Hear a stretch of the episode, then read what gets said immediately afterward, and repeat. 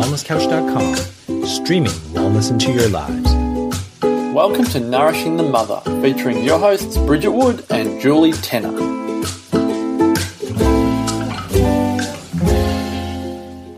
Hello and welcome to Nourishing the Mother. I'm Bridget Wood, and today we don't have Julie Tenner, but we do have two special guests. And we are going to be talking about when the personal is political with Andrew Hicks and Pippa Campbell from the Health Australia Party. Before we jump into that interview, I want to remind you to please jump online and connect with us. So we want you to hook up with our with our mailing list and our newsletter so that we can send you all of the juicy bits and pieces that we send out every week and whenever we get some flow of inspiration that we think might touch you in your world. And of course, we love your emails and your podcast suggestions too. So welcome Andrew and Pippa. Hi. Thank you. Good to be here. So, this is a bit of a shift for us. We've never really touched the topic of politics, but in fact, I ended up at a dinner party with you, Andrew, and we were having this very in depth conversation. And I really felt like um, knowing our tribe so well and knowing um, that health is a really high value for so many of our listeners, it would be really worthwhile to unpack why um, even though for so many of us we can feel a little bit apathetic about politics, why it's important to understand a little bit about where our votes go and understand, I guess, um, how we can vote in alignment with what we really value. Um, and there are some, it's an interesting landscape in Australia, particularly around healthcare and then around, um, I guess, a wellness model of care versus sort of a disease management model of care. And the Health Australia Party, I, I guess, as I understand it, is looking to tackle that um, in various ways. So, I guess, Andrew, maybe you can take us through what the Health Australia Party's five pillars are, and then I'd love to hear from both of you about why you felt called to get political. Yeah, great. Um, Health Australia Party, we, we ran in the federal election in 2016 as well, and we're going to the Victorian election coming up. But we're trying to bring a bit of a difference to to the political world with what the current options bring us to bring to the table and have been been doing. Uh, so the five pillars for us are, healthy people, healthy economy, healthy environment, healthy democracy, and healthy society. Mm. The interesting thing is there's a lot of one issue parties around, um, but everything is connected. You know, every single topic affects another topic. If you don't have a healthy environment, how do you have healthy people? Mm. If you don't have healthy people, how do you have a healthy economy? And so on. It just everything is interconnected with things on that front.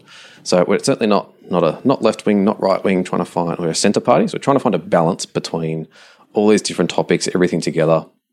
And as well, obviously, with a with a bit of a key focus on healthy people, since it's quite a quite a critical one that doesn't seem to be really getting addressed at the moment. Mm. Only things there. So why politics? Did you have, were you always desiring to be a politician? Could you see yourself up there having robust debates, or was it something in your own life that called you there? Never did I even remotely think about it. so, in terms of, you know, some people being quite apathetic towards politics, that's me. Yeah. Um, that was me. So, uh, it was probably, it's a bit of a long journey with things for me. Um, part of it's just my own health journey and things too, changing perspectives and learning about things having a, a, a, fairly technical background in, in science and engineering, I kind of look at how things work. What about this? What about that? And you, you know, love systems, I bet, to a degree.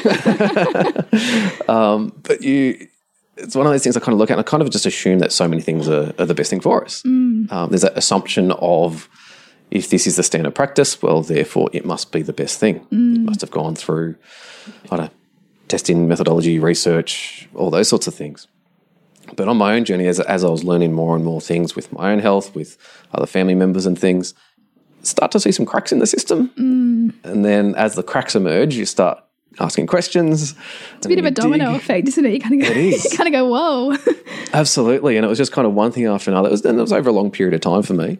Uh, but then also having kids as well. So I've got a couple of young kids. Uh, and, you know, even going through the whole birthing process, um, mm. through pregnancy, um, kids, young kids and things, you know, you start asking questions. Oh, what about this? What about that? Why are you doing that test? What about this? What about that? And then when there's answers that don't make sense, mm. I just start to ask more questions, and and then things start to, I don't know, get even more confusing and things as well, and then start to see the even more the cracks in the system there, and and ultimately that leads to further things on that, and then also much more widespread uh, in terms of the, the impact on society, on on us as people, as us as families and then everything else tied in together, I kind of look at it and go, well, what do I want for my kids? Mm. Is this is this a process I want my kids to go through Yeah. in whatever period of time? Do I want them to grow up in this environment? Not really. It's amazing how much having children calls you into greater integrity mm. in what you really value and, and, and forces you to think about the future in a way that perhaps you have never thought about it before. yeah, absolutely. and simplifies it as well. I think mm. you know we overcomplicate things as adults. Children see things quite purely, Yeah. and it makes you do that as well. Mm. What about you, Pippa? What's your background and why did you feel called to to jump in? Well, I'm probably the opposite to Andrew in a way. In a way, I feel like I've always been interested in politics. Mm. Um, I grew up in Tasmania, and politics actually was always part of the discussion because mm. you know we're we're quite split as a state in terms of where our values lie, where our economic income lies. So it's always been something that was discussed at my dinner table. But um, I, I guess at this point in my life, I've spent the last eight or nine years working as a doula, supporting families through birth and pregnancy and earl the early parenting journey. And um, as I was doing that, I really discovered that helping people one on one was wonderful, but I could see all these other people falling through the cracks and seeing all the holes in the systems where people just wouldn't be able to get the help that they needed. And it, it felt to me like I needed to do more than that. So then I started working on a project to create some kind of centralized um, place where families could go and get all the support they needed. And I started working with local government and state government to try and make it happen and big business as well. And that was a really astounding process because on one hand, you, I got more positive feedback than I expected. But I also got, you know, uh, a, an eye into how, yeah, politics actually works and how you can be told, oh, that's great. Yeah, we'd love to support that. but they have absolutely no intention of doing anything about it. Mm. And I would describe myself as a pragmatic idealist. So I want the world to be better, but I want to know what I'm going to do to actually make it better, mm. like really practical things. That so you're not you're not an armchair critic. You're, you want to get in there and get your No. get, get your elbows in. I totally do. I think I wake up every morning thinking, okay, what am I doing today to make the world just a little bit better? Um, and even if yesterday I hit my head against a brick wall, what could I do differently today to make it better? Um, and so that process led me to realize that if I really wanted to change things, I needed to be part of that system. It's easy to be critical of something Yeah. it's much harder to stand up and go, well, maybe I'll do something about it. Hmm. And I sort of feel that even I would absolutely love to get elected, but even if I wasn't elected, and I've seen the reaction in my community from my children, from schools at, uh, from students at the school, or just from other people that I know, just being astounded that I hmm. would do something like this. It's like, yeah, you know, you could do it too. Hmm. Just the very process of putting yourself out there is Yeah. changing other people's perceptions and perhaps their own what belief in their own capacity to make change. Absolutely, because we've prescribed politics and governing to certain people, Yeah.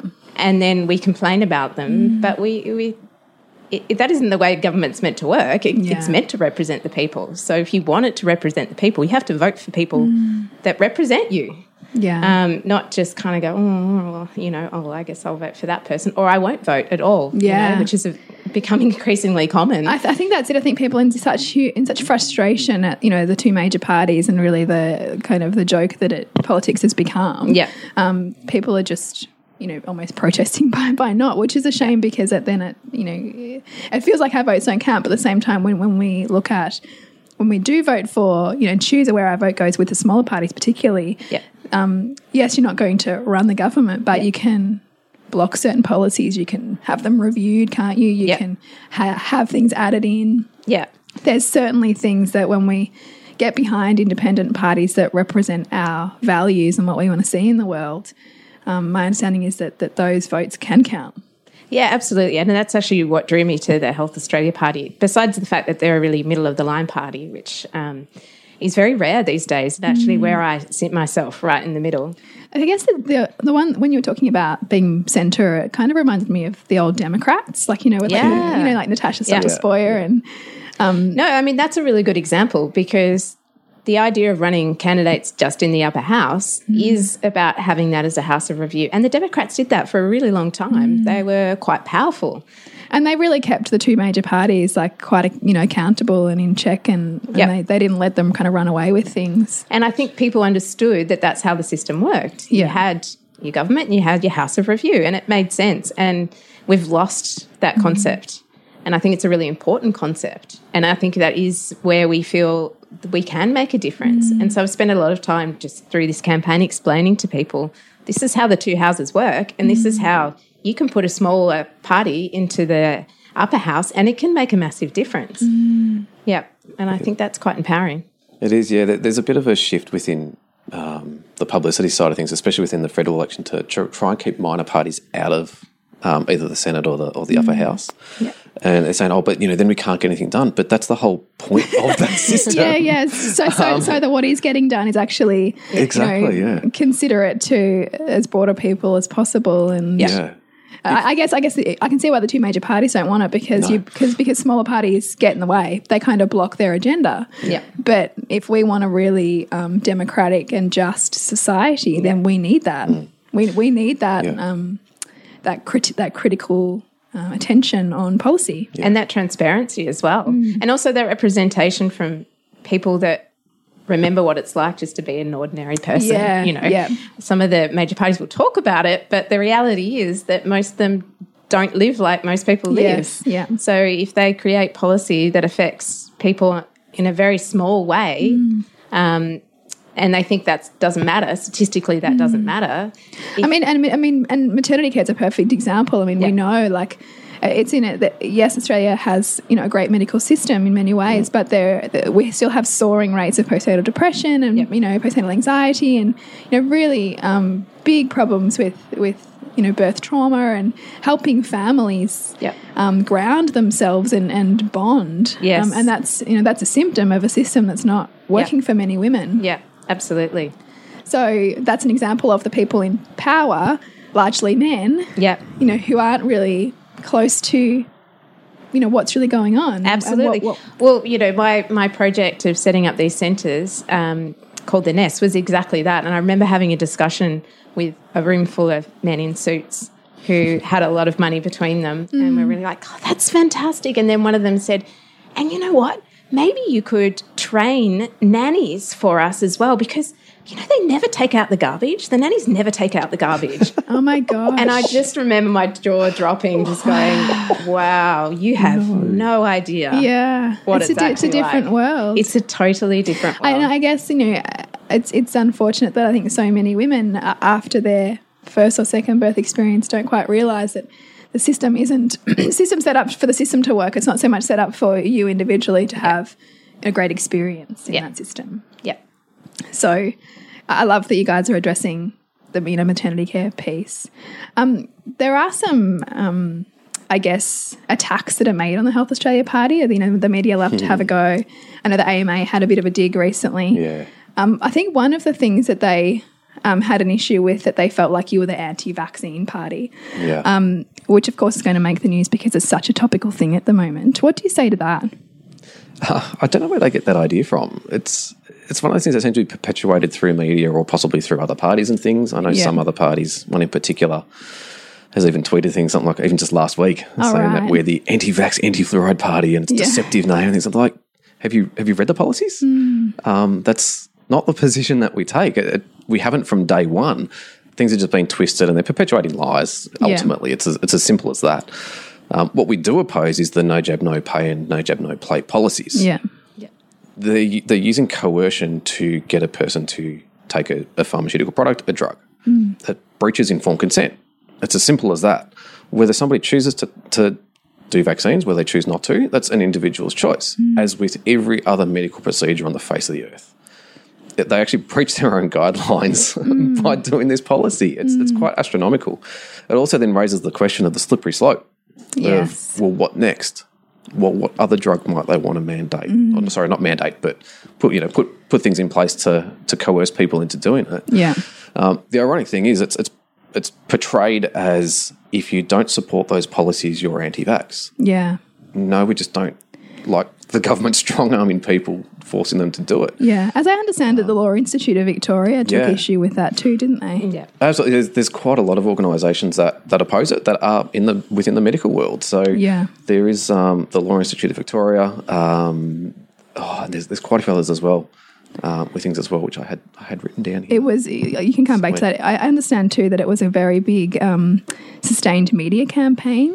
Um, Yeah. like I think that the Murdoch Press really took that and ran with it. There was an interesting um, book that I read by a uh, Dr. Brian Martin. He's a um, professor in Sydney, and he was he studied the um, the sustained attacks on on the vaccine issue essentially, and the attempt to polarize public opinion in order to Yeah. Get through a policy like this, which in, in any other area you, you, you really wouldn't expect to get through because it is very coercive and people don't like to be, you know, generally Australians don't like to be told what to do. Yes. But this this one interestingly seemed got through, Yeah. um, and without a great deal of public opposition. Absolutely. Well, it's because you're using fear, the fear of something happening to your child.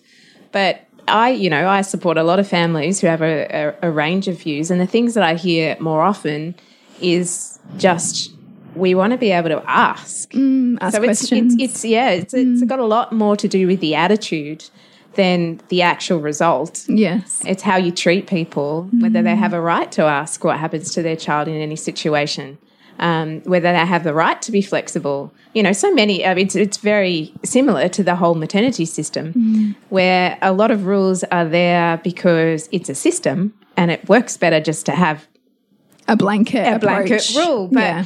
there needs to be flexibility within that. And and even within the immunisation schedule, there is, and there are doctors that will answer questions, but um, there are just so many that just shut it down Mm. with a, a very arrogant sort of approach of "I know you don't," Yes. and that's it. And I think too, you know, you've got an issue. You've got the issue with the regulator who really is, is, has come down so hard now that that even doctors who might have an opinion that is contrary to the schedule or contrary to what's um, instructed by the government can't speak out.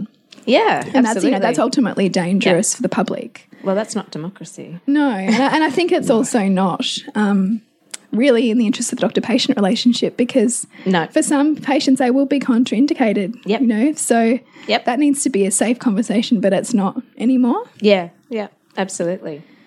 Um, did you bring it up? Yeah. Yeah, yeah my, my, my laptop laptop just completely freaked out and froze. so that's always great timing. So some of the ones that oppose the, the no demo plays is like the Victorian Council for Civil Liberties. Um, they say the policy cannot be justified from an ethical point of view. Yeah. Um, there's this the SARC report, so it's a scrutiny of acts and regulations committee. So there's a Victorian government body. Effectively, they kind of do like an ethics review of legislation.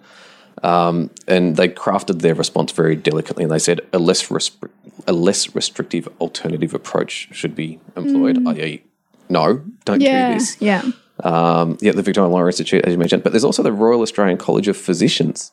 Oh wow, really? Um, yeah, what did they say? um, I don't have a quote from them Okay, specifically, but they but- but they- they, they don't concerned with agree the with the policy as well. So, amongst other health practitioners Yeah. and, and doctors and things too. I, thi- I think it's also that that piece. You know, ultimately, it is disadvantaging children because they're either having to make that choice between health or education. Mm. And I think education is also another expression of health. And so, we do, if we don't give children access to that, you know, that's not in the interests of society either. That's not in the in the interests of our future nation. So it is a bigger a bigger thing. But whether there's any attention that gets put back on it, we don't know. It well, and it's also a useless policy because it's really aimed at um, punishing people who have less resources, and generally aren't the ones. If you look at who's not vaccinating, it's actually well-educated uh, people with good financial resources that are not going to be affected by this policy at all. So it's really punitive. Yeah, Yeah. yeah. Which I guess leads us to probably um, another question or another topic, um, because one of the attacks against the party was by I think somebody from the AMA saying that you know it's it's it's not right to be focusing so much on you know natural medicine because they, we need to be focusing more on you know evidence based medicine. Um, but as we know, I mean, there's a, there was a recent um, quote from the I don't know if he's still the editor of the Lancet, Richard Horton, but you know he came out and said now like there is just so much corruption in research and pharmaceutical industry that it's very very difficult to get truly unbiased um, Yeah. you know information and, and research Yeah. and so it's interesting that that they make that claim that it's you know that medicine is so evidence based when you know we're we're increasingly finding that the line between you know true unbiased Yeah. medicine and corporate vested interest medicine mm-hmm. i it's it's a bit muddy Absolutely. I I think I think it's that specific quote you're talking about. I think he said something about as much as maybe half of the research is invalid for for those reasons. Yeah. That's that's massive. Yeah. That's that's that's um like a you know, yes, no, take a pick, throw a dartboard. yes yeah um, side of things. It's it's so hard to filter what's what's actually good, reliable scientific research Yeah. Yeah. versus what's um, either one not reliable um, from whether it be sample size, poor methodology, selective reporting selective or- reporting, yeah, changing criteria, which is probably one thing we'll probably get to, yeah. Um, or just simple who's funded the study. yes. Um, it's quite uncommon for a company to fork out a lot of money to conduct research Yeah. and then say, "Oh, we've found our product's useless. We're uh, not going to pursue it after all our research and development." It's interesting you make that point because um, my other business, Suburban Sandcastles, we had um, Dr. Craig Hassed, who's the um, professor of general practice. A, he kind of runs the general practitioners at Monash, and he's got a really strong interest in mindfulness. And he was saying on the Q and A panel at our event, he was saying, you know, if the, if the pharma companies could patent.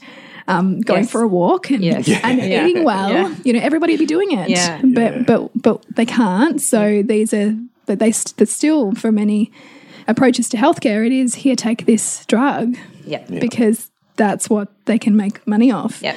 And I know Herbert Benson, who um, came up with mindfulness based stress reduction, I think that was him, was saying it took him 15 years to get enough funding for a study into that Yeah. Because no one would fund it Yeah. because it wasn't, you couldn't make money off it essentially. So it, I think it's very interesting to open our eyes to that. Absolutely. yeah. Which that which that also then means so if there's no money to be made off it, then who needs to do the research Mm. and who needs to fund it? Well, the only real option is either one, the public fund it themselves, Yeah. which that's which is uh, very unlikely. very much so, or it's government funded. yeah. And if it's government funded without vested interests involved, that's when you can get some really, really good research. And Mm. Yeah. actually, you know, you use there's so many, so many incredibly talented and intelligent people around Mm. to actually do the research that's actually going to be beneficial. Yeah, and that is ultimately where we need greater representation in our government to ensure that we can have more of that happening. Absolutely. I I don't think there's anybody who disagree that you know we pretty much everybody wants more research into the natural medicine side Yeah, of things. yeah. most people, you know, including practitioners, say we we, we need more research. We Yeah. need more evidence based. Um, you know, yes, this might have been used for hundred years, two hundred years, thousand years, depending on what it is. Yeah, But to tick the scientific criteria tick box, Mm. which people so today, you know, we're so obsessed with like evidence and science and needing that yeah, um, that naturally we need to find a way for natural medicine to to to do that. yeah, But I, th- I think sometimes it's like comparing apples and oranges, and you can't really introduce randomized controlled trials to a, a you know product of medicine that doesn't kind of fit that. yeah, So it's about how do we compare the two. I mean, I know the former um, AMA chief executive, Dr. Kerryn Phelps, like she was an integrative doctor, and I think that did a lot of work in that in Yeah. that space. So it's interesting to see, you know, how the cultures shift depending on who's at the helm as well. Yes, absolutely. yeah. And This is one of the things that I think is a, sometimes a bit of a misconception about Health Australia Party too. Is often it's perceived as we're anti-pharma. Yeah. as such. Um, look, there certainly needs to be checks and balances put in place, but we actually don't want to get rid of the pharmaceutical industry. We actually want to work together. Yeah. Um, natural medicine, different forms of, not every single modality in natural medicine is right for every scenario. Mm-hmm.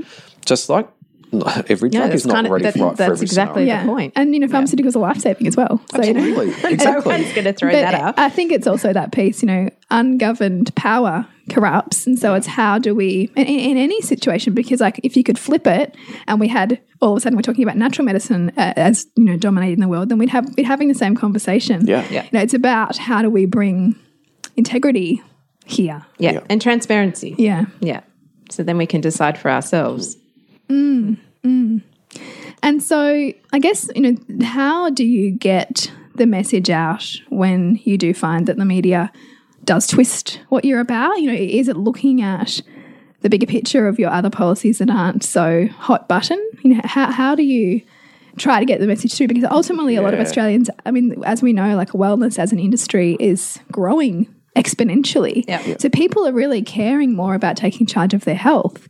Um, and it seems like you guys are kind of a representative party for people who have those values, but it's how do you get through? That's really hard. Uh, look, I, I can't see us getting you know big front page stories on us in the no. mainstream media or Yeah. nice spot on the news at night and things. So, hence there, there's a lot of groundwork that we have to do. Yeah. Mm-hmm. So, you know, sp- speaking to people like yourself and, and many other people who have, have got a similar similar value set as well. Yeah. But it also comes down to just people. Yeah. Yeah. Um, the, the simplest thing is if one person talks to another person and they talk to 10 and they talk to 10 and they talk to 10 and they talk to 10, all of a sudden the numbers increase quite substantially um, to actually get the word out. The hardest thing for us is people just even knowing we exist. Um, the Yeah, vast majority of the time, people look at policies and go, oh, wow. Like, in, in one way, that's kind of sad because a lot of the policies to me are fairly straightforward and Yeah. simple. Yeah. Um, we're just not trying to do vested interest and trying to you know get that balance with things. Um, it's a bit more common sense with a lot of things, but people to know that we exist is our is our biggest challenge. Yeah. So that's where you know every single person needs to get involved, and you know, like I used to be quite apathetic in the political world. Nowadays, not quite so much so. Yeah. you can't really a say lot that more active now. now. um, but we have to we have to talk to people about it. You know, politics is such a taboo topic. Um, oh, there's a quote that I heard a while back. I can't remember exactly what it is, but something along the lines of, "For too long, we've been taught told not to talk about difficult things like politics and religion. Instead." We should be taught how to have a respectful discussion about politics and religion. And so true because ultimately, uh, I mean, we get programmed by the messages around us anyway. So if we're unable to talk about them and, you know, explore our own views and be willing to change them and transform them, then we're ultimately going to be subconsciously influenced by what we see and Yeah. read anyway. So it's actually important to bring consciousness to it. Yeah. My um, I used to be super into politics. Like before I had kids in my twenties, I was like one of those people who went to election parties, and, you know, and like I still know how to make sure I can vote below the line. And Yeah. even though I don't know what half the parties are now, I just choose based on their name. yeah. So I probably would have chosen Health Australia Party anyway because I like health, but I wouldn't have known anything about it. So I'm glad that you've told us a bit about it. Um, but it is interesting, I think, too, when you know, your life shifts so much out of independent, you know, person to unto themselves, and now you're a parent. I'm glad that we're having this conversation because I know so many other mothers would be really probably disconnected from these bigger issues that we're Yeah, having and, absolutely. and, and that we need to bring to light. Well, and the reality is that no one's really standing on a platform of supporting families and women and mm. Mm. women's health. And, mm. Yeah. you know, that that's something no one's talking about. Yeah, and you know because we know how much of the media is still in. I mean, so many journalists are male. Like, I mean, I find this fascinating when I Yeah. try to pitch media releases on certain Yep. films. Like, I know if there's a if it's a film about women or this is Yeah. not going to run. Yeah. like the media release just won't run because the and it's not necessarily the fault of anyone, but it's. It has to connect with the person reading it, and if that journalist is, can't connect with this message, Yes. then then it's not really going to fly. And so that is why you know, understanding how our media is constructed, understanding how, how our governments are constructed, and how because of you know so many men in there, because of so many dominant values in there, that's what then sets the public agenda. Mm-hmm. And so, by bringing our own critical thought about who's writing this, where's it coming from, who's paying for that, you know, who's their major advertiser, you know, that's all important stuff to look at. I mean, I don't know what the stats are in the states, but I know- sorry, in Australia, but I know in the states. I think 70% of advertising is pharmaceutical. Yeah. Yeah. So- Yeah, absolutely. got, that's a figure about 70 to 80 or something like Yeah. that in my Yeah. head as well. Yeah. Yeah. Yeah, and I, I know if you go there, like you see, Yeah, all you just so many. yes, ads after ad, ad, ad after ad. And in fact, I used to work in TV advertising, and one of the major clients, yeah, even in Australia here, was was a pharma, pharma company. And so, rightly or wrongly, that that sets a dominant mm-hmm. message. You know, it sets kind of what we what we are, you know, bathing in. I Yeah. suppose. Yes. Yeah.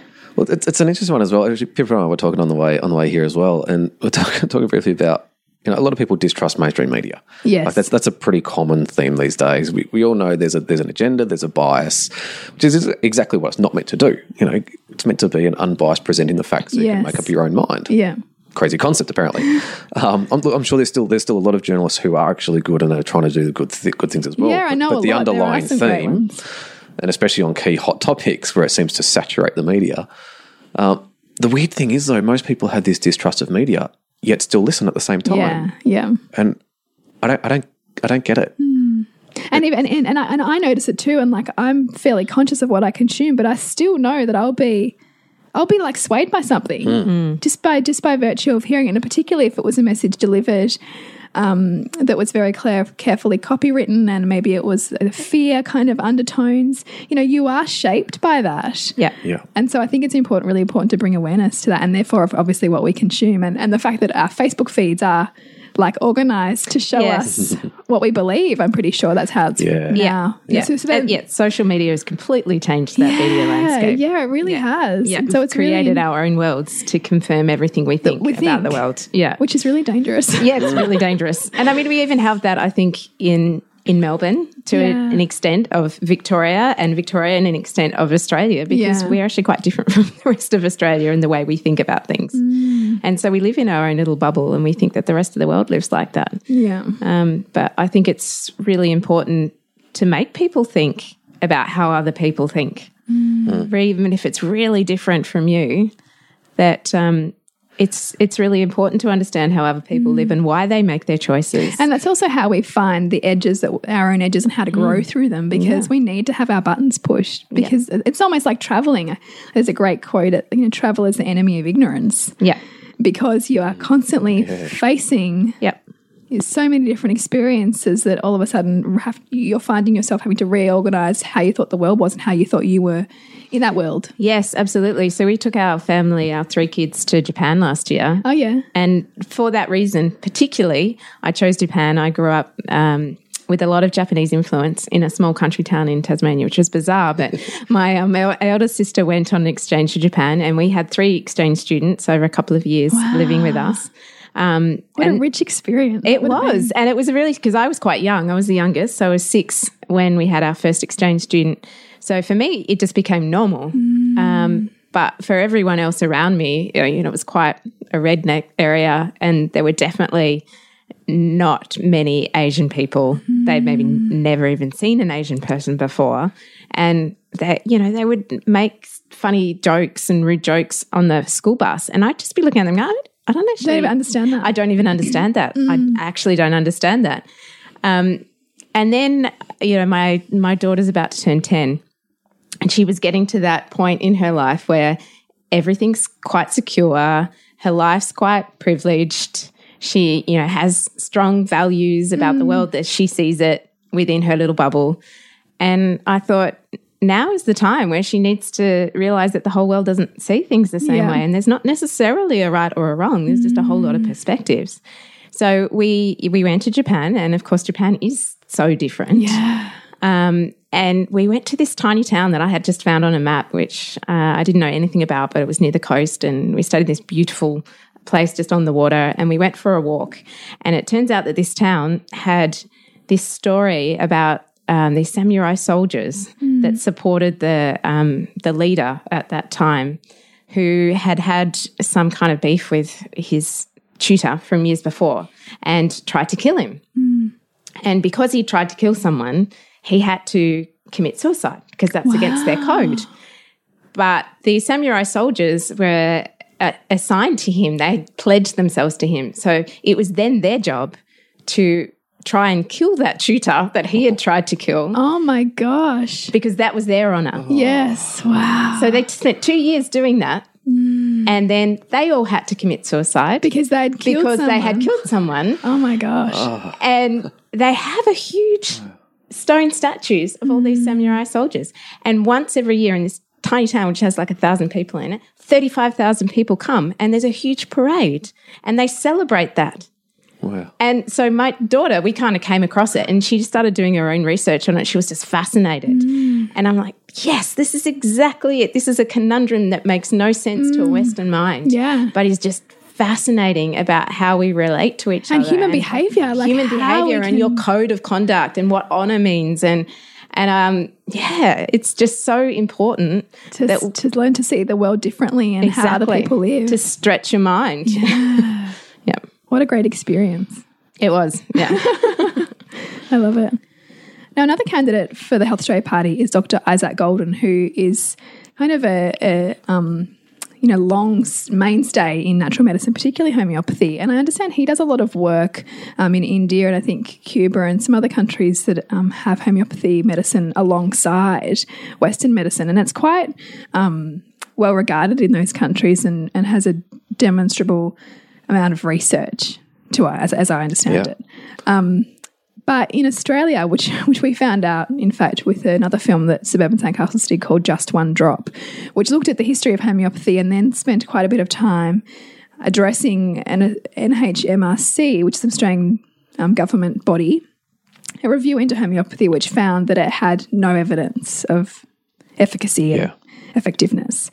And it was to watch this and this un- unfold in this film. It was quite damning towards homeopathy until they started to look at all of the holes in the study. Can you, which is now I understand before the ombudsman because of just how, um, you know, perhaps falsified the study might be. Can you tell us a bit about that? Yeah, it's it's it's a bit of a rabbit hole. It's it's one of those crazy ones where you go, oh, okay, they've done a report and they found this. Oh, okay, that's a bit odd. But yeah, as, as you start to peel back the layers of it, it just gets more and more astounding with what's actually going on. Um, so they actually did the NHMRC, so it's a National Health and Medical, Medical Research, Research Council. Council, So yeah. it's a government funded body. It's somewhere around eight hundred million dollars a year that they that they spend on medical research. Very very little on natural medicines Yeah. um, barely anything at all. Uh, so that they've commissioned a report to find out with homeopathy, basically, you know, is there any clinical effectiveness for treating specific health, health conditions? They produced the, what's referred to as the first report, which was actually quite favourable to Yeah. homeopathy. Uh, they've since buried that report. That didn't even get released, though, didn't it? Did, did, No. uh, the film explained that they had sacked the person who produced that first report. Yes. They removed him from the the um yeah, from Committee. the evaluation committee. Yeah, yes, yeah. So they, and called in a new committee or called in somebody else to That's right. review it again. Yeah, so there's there's different there's conflicts of interest on the committee Yes. for the second uh, the second report. Yeah. um, the existence of the report is known from freedom of information requests. Yeah. um, they're still waiting for the re- report to be released. That's one of the big things that they're Wow. pushing for. So it hasn't been released, even the report hasn't been hasn't been released. No. Wow. So it's a it's a big issue. Mm. Um, so then they did their second report, uh, and they changed their evaluation criteria. Uh, the the number one thing with medical research is you establish your methodology, you establish your criteria at the start. That's your baseline. Yeah. And then you measure your evidence studies. What are you doing against that? If you set it part way through, But w- once, then- once you're starting to get some Exactly. data, Once you get in results, you then start changing your criteria to facilitate an outcome. So they changed their whole criteria. There's a number of different things that they did with it. They changed, I'm going off memory, they changed the sample size to be a minimum of, I think it was 200 or 250 people in the study, which eliminates a lot of really good quality evidence just in smaller groups. You know, if it was 150, it'd be eliminated. Uh, they changed the, there's a thing called the Jadad score. So it's basically uh, how good is this quality research? Um, if it's really bad methodology and things, it'll get a score of like one or two or something. Mm. But if it's good quality research, it'll be a three, four, five, five being the top. When there's systemic re- reviews, often done by like the Co- Cochrane collaboration and ones, typically what's used is a three, four, and a 5 mm-hmm. They eliminated everything except for fives. wow. So it's eliminated a whole heap of really good research at threes and fours that they've managed to get out of of the evaluation as well. Mm. So there's a whole heap of things that they did with those those ones being part of it. Uh, and effectively, the, the end result of all that basically meant that the uh, their determination was there is no clinical effectiveness for or effectiveness for homeopathy um, with treating whatever health conditions. So the thing is around that that um, criteria change is, is in, in 2015, the um, NHMRC had a, had a media release where they said that uh, the report is a, it, was, it was a result of the a rigorous examination of the evidence and used internationally accepted methods for assessing the quality and reliability of evidence. That's critical. So they'd said in 2015 that they've used internationally accepted methods. There's a question through uh, one of the senators federally earlier this year about it, and they the NHMRC finally responded, and they actually said that uh, at the time this work was underway, there was no relevant guidance or standard endorsed by NHMRC or a relevant international organisation on the development and content of evidence statements. So they're making an evidence statement based on this research, which they said is based on internationally accepted methods, and now they're saying is Ah, yeah. that it's- there was none, so we made up our own. Mm. Exactly. You know, it's Yeah. you know, they could have used international standards, mm. but they didn't. They changed the whole thing, and the whole premise of it is that it's based on internationally accepted methods. Mm. But they changed it, and it's not. So they, they're basically making up their own criteria, which you just to, don't to do. facilitate a mm-hmm. desired Correct, outcome exactly. to fit the agenda. Yeah. Yeah. Uh, so then the homeopathy report was done in 2015, I think it was. In 2016, they expanded it. So it's almost like they dipped their toe in the water with the first one. Just to see how to see how, they, how, how it would go. Exactly, yeah, and, and expanded it to sixteen other different modalities of natural medicine, including things like like naturopathy, um, massage of all types, Yeah, so- um, so- including and- like remedial massage And the yoga significance of this, so people things. understand, is that this was what was really used as a basis for the government to then remove private health insurance rebates for a number of natural medicine modalities. Yep. That's right. So that's now scheduled to happen in April 2019, as I understand it, across Australia. Correct. Yep. Yeah. So that means removing, yeah, rebates essentially, which means that you'll be paying out of pocket for so many of these Mm. modal- modalities that people choose. Yep. Yeah, so it's not eliminating naturopathy, for example, or homeopathy. no. But it's certainly making it a heck of a lot harder and, for I, people to and access. as I understand it, it is it is affecting. I mean, it's, it's trickle down effect. So once Mm. you start to say there's no, um, you know, effectiveness of this, then then that changes the opportunity for people to study it. It, Yeah. it changes Yeah. what it looks like in universities in terms of how the course is structured, if it's offered at all. Yep. yeah. Um, so this is really significant when we have questionable studies that influence public policy at a, s- at a big level Yeah. um, and influence the future of that modality in a country, which Yeah. it will do if it if it um, impacts the ability of people to study it. Yep. Yeah, absolutely. The, the other interesting thing that, that the influence of this report will have is there's what's, what's referred to as the Health Complaints Commissioner as well. So this was introduced in Victoria. Uh, I can't remember if it was last year or the year before. Um, it's another. It's a level of um, not regulation, but a, a complaints process for a lot of natural medicines that don't fall under AHPRA. There's there's a lot of people asking questions of the Health Complaints Commissioner in, in some sessions I was in where they're asking, "Are you going to use the NH, this NHMRC report Yeah. in your evaluation whether the complaint is valid or not. So, i.e., if somebody has a complaint about a naturopath, um, and then they use this report as evidence, well, Which and, and- effectively, and, the, and the report says it's not not effective. exactly, Yeah. which pretty much means anything that the naturopath does is not valid. yeah. Um, They really did not want to answer the question. No, they I kept bet. tiptoeing around it again and again and again, but heaps of people just kept asking because and that's asking. damning, you know, like that Yeah. that will derail a profession. Yeah. If that's, if, that, if that's allowed Yeah. to be the you know status quo essentially. Absolutely. And, and short of saying the words yes, um, they, they pretty much said, we will be utilising the research available and, Yeah. you know, to And there's, there's no kind of red flag on research that's with the ombudsman for for Mm. you know there's not a red flag on that because it's in review. No. Not that I'm aware of. Um, I don't think, well, given that they've just made legislation Yeah. around it, Yeah. um, using that as their, their evidence, um, I'd say that This is why the personal is political, right? Like Yeah. because the That's choi- right. The It choices, affects your everyday life. the choices that we can take for granted Yeah. um, might not be a choice anymore. yeah. So I'm really glad that we've had had some of these conversations. Is there anything else that you guys want to cover off before we Uh, wrap it up? Oh, this is one thing. There's some statistics I heard just just um, a couple of weeks ago, which just floored me, just around chronic disease. Oh yeah. So, and this, this is one of the things where the current approach to the medical system to me to me is failing. So there, there's some things that it does absolutely brilliantly, especially with acute conditions and things. There's things that are absolutely brilliant. There's a lot of awesome doctors and nurses and things, but there's some things that it doesn't do so well. Chronic disease is one of those key things. Um, and you kind of go, oh well, but you know, but we're we're healthier, aren't we? You know, we're, we're living longer and we're healthier. Isn't that the general standard approach?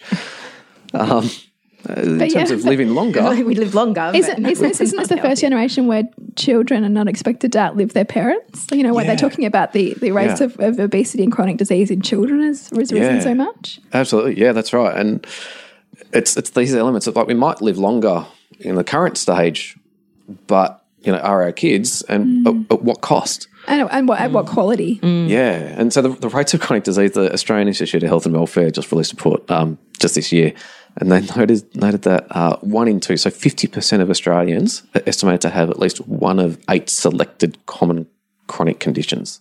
Wow. That's that's like one in two people. Yeah. And that's over only eight chronic conditions. Like there's a massive amount of chronic conditions as well. Yet these are only like just eight common ones between how is it like cancer, cardiovascular disease, mental health conditions, arthritis, back pain and problems, um, chronic obstructive pulmonary disease, asthma and diabetes.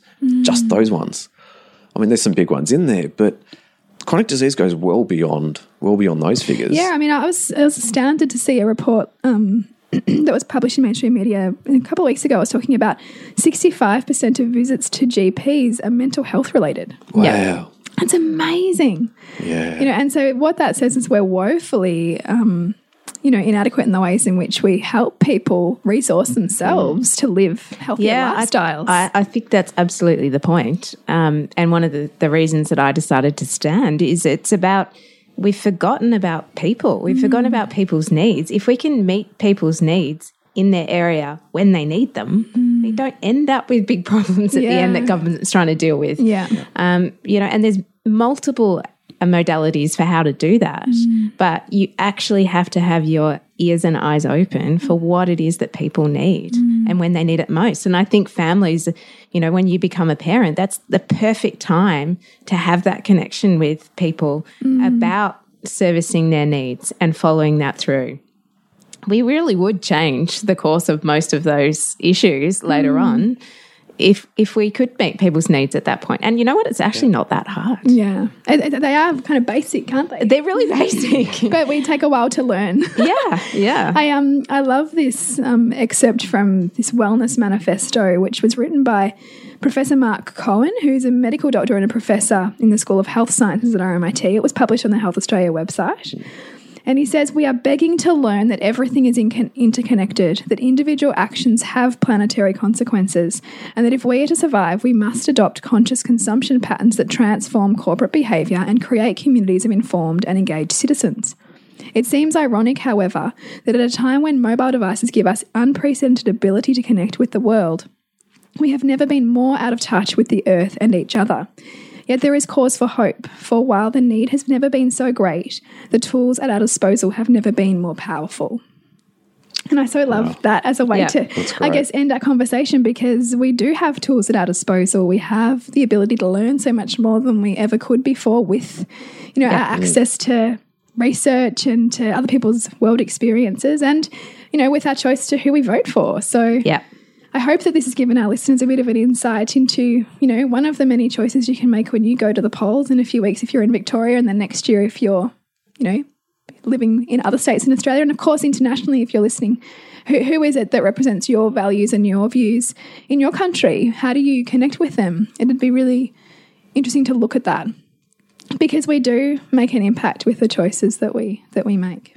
When I was growing up, I had this little poster next to my bed. I don't even know where it came from originally, but it was a cartoon of the Statue of Liberty with scaffolding all around it, and it it said, um, "Ide- the uh, the work on the ideal world has been halted due to a lack of idealists." and I just I, that has just stayed with me forever. And it, you know, it, there's this idea that we can't be critical thinkers and idealists at the same time, mm. and I totally disagree. Mm. That if you want the world to be better, you got to do work on Yeah. it. you can't just hope that someone else is going to do it, mm. and you can't. You can also complain about the way the world is and imagine that it can be better. and use that use that feeling and that that sense of you know desiring to complain about it as fuel to do something about it. yeah, something because positive. you know we use it as use it purposefully. yeah. Mm. Well, thank you both so much for being part of the podcast and Thank for you. sharing for sharing your insights. and I want to remind our listeners if you want to connect with us, it's at nourishingthemother.com.au, Nourishing the Mother on Facebook, Instagram, and Pinterest. If you want to connect with Jules, it's thepleasurenutritionist.com and me, suburbansandcastles.com. Remember to nourish the mother to rock the family, and we'll see you next week when we continue to peel back the layers on your mothering journey. This has been a production of TheWellnessCouch.com. Check us out on Facebook and join in the conversation on Facebook.com forward slash The Wellness Couch. Subscribe to each show on iTunes and check us out on Twitter. The Wellness Couch, streaming wellness into your lives. Whilst the Wellness Couch presenter endeavor to provide accurate and helpful information to their listeners, these podcasts cannot take into account individual circumstances and are not intended to be a substitute for health and medical advice from a qualified health professional. You should always seek the advice of a qualified health professional before acting on any of the information provided by any of the Wellness Couch podcasts.